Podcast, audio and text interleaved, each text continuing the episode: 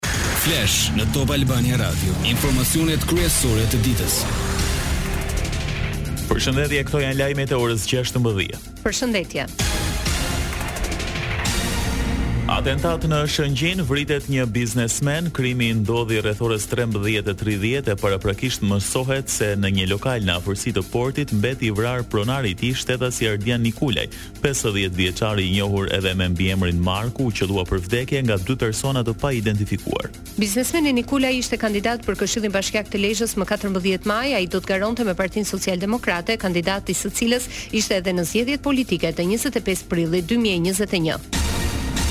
Ndërkaq, bëhet e ditur se në të kaluarën ka qenë i dënuar për armbajtje pa leje dhe për kontrabandë mallrash e falsifikim. Policia nisi hetimet për dokumentimin e ngjarjes dhe ngriti pika kontrolli duke rrethuar zonën. Po ashtu bëhet e ditur se Nikulaj lëvizte me makinë të blinduar.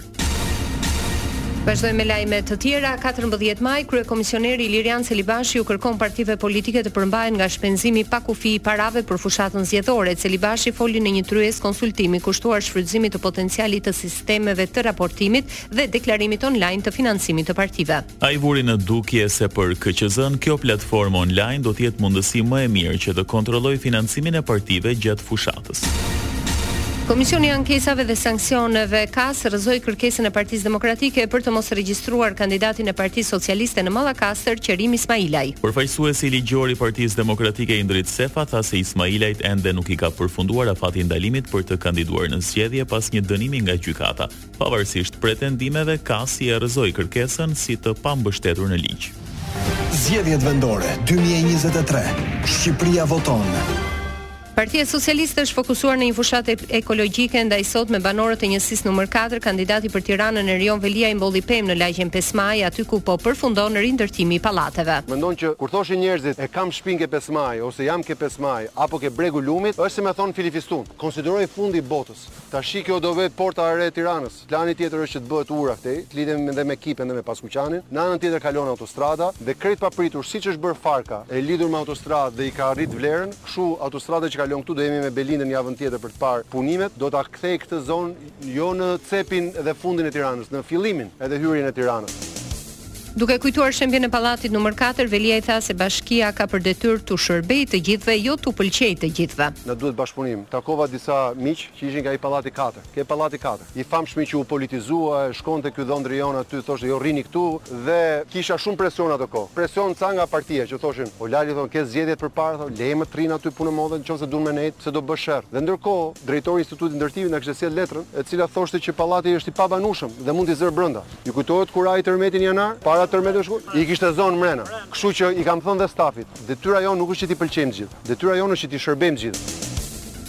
Veliaj u ndal edhe te premtimet elektorale të kundërshtarëve të tij në zgjedhjet e katërmbëdhjetë majit. Ne e provum këtë. Falas, falas, falas thoshte Sudja. Falas ishin edhe torta. Po lam kokrrën e namit, qindvjetori i pavarësisë, qind vjet shtet, tu marr tortën me govata dhe me legena, edhe me sapllake. Kështu që në këtë sens, Ata e kanë Shkodrën, kemi miq këtu nga veriu nga Shkodra, ta bëjnë falas atje, ta tregojnë si janë falas autobuza, taksitë, ta provojnë ata, një linjë kanë, s'e bëjnë dot falas.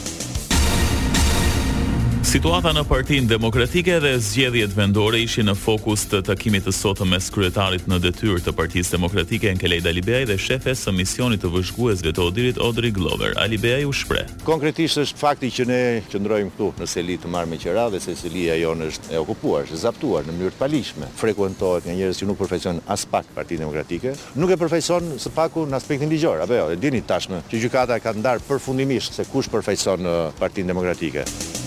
Me Gloverin kreu i komanduar i PD-së diskutoi edhe në lidhje me ato që i quan shantazhe dhe që pretendon se janë bërë kandidatëve të tij për bashkitë, disa prej të cilëve u detyruan të dorëhiqen nga gara. Totalisht e papranueshme që kandidatët tanë të ndodhen nën sulme nga ajo pjesë që pretendonte dikur të ishte Partia Demokratike. I bëra qartë edhe gjitha shkeljet bërë nga Komisioni Qendror i Zgjedhjeve, që nga momenti i mosregjistrimit të Partisë Demokratike, mosfigurimit në fletën e votimit edhe të kryetarëve përkatës të partive që garojnë apo të koalicioneve, dhe saktësova, Edhe se kush janë subjektet zgjedhore.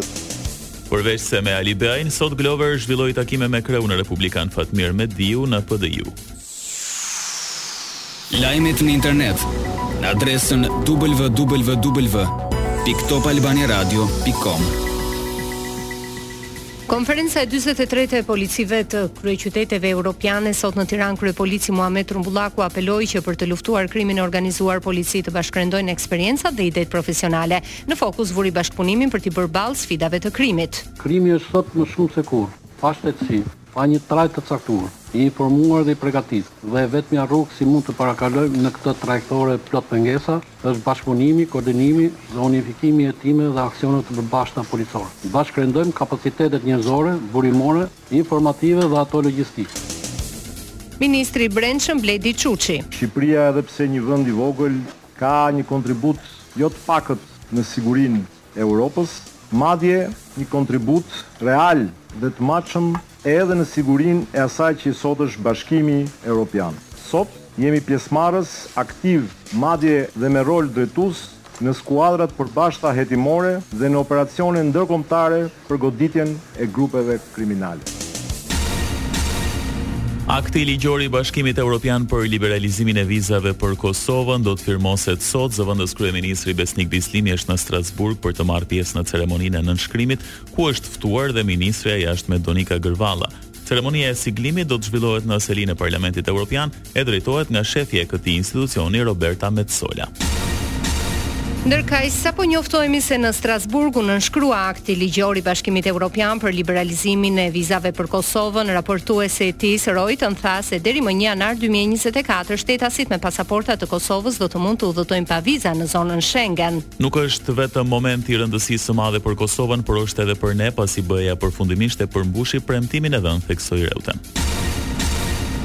Dhe zëvendës kryeministri i Kosovës, Besnik Bislimi, siç ju bëmë të ditur më parë, mori pjesë në ceremoninë e nënshkrimit në Strasburg, i shoqëruar nga kryediplomatja Donika Gërvalla Schwarz. Bislimi tha se nga janari nuk do të ketë mijëra mundësi të humbura për shtetasit e Kosovës Ai shtoi se autoritetet do të nisin një fushatë ndërgjegjësimi lidhur me kufizimet që vijnë bashkë me liberalizimin e vizave.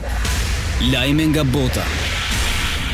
Në New York, një person humbi jetën dhe pesë të tjerë u plagosën si pasojë e shembjes së një parkingu katërkatësh. Fillimisht u rrëzua kati i dytë në zonën financiare të Manhattanit. Edhe disa makina mbetën të dëmtuara rëndë. Departamenti i zjarrfikësve tha se operacioni i shpëtimit ishte jashtëzakonisht i rrezikshëm dhe kjo për shkak të strukturës jo të qëndrueshme. Shkaku po hetohet.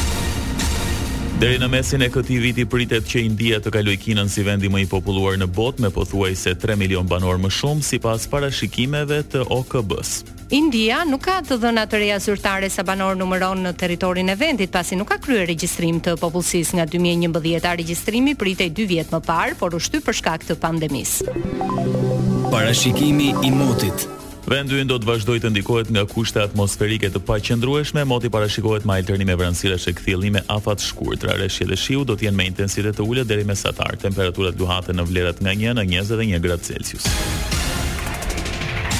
Dëgjuat një përmbledhje të zhvillimeve kryesore të ditës. Edicioni informativ i radhës është në orën 17. Unë jam Doriana Lato. Unë jam Edi Hallaçi. Kjo është Top Albania Radio.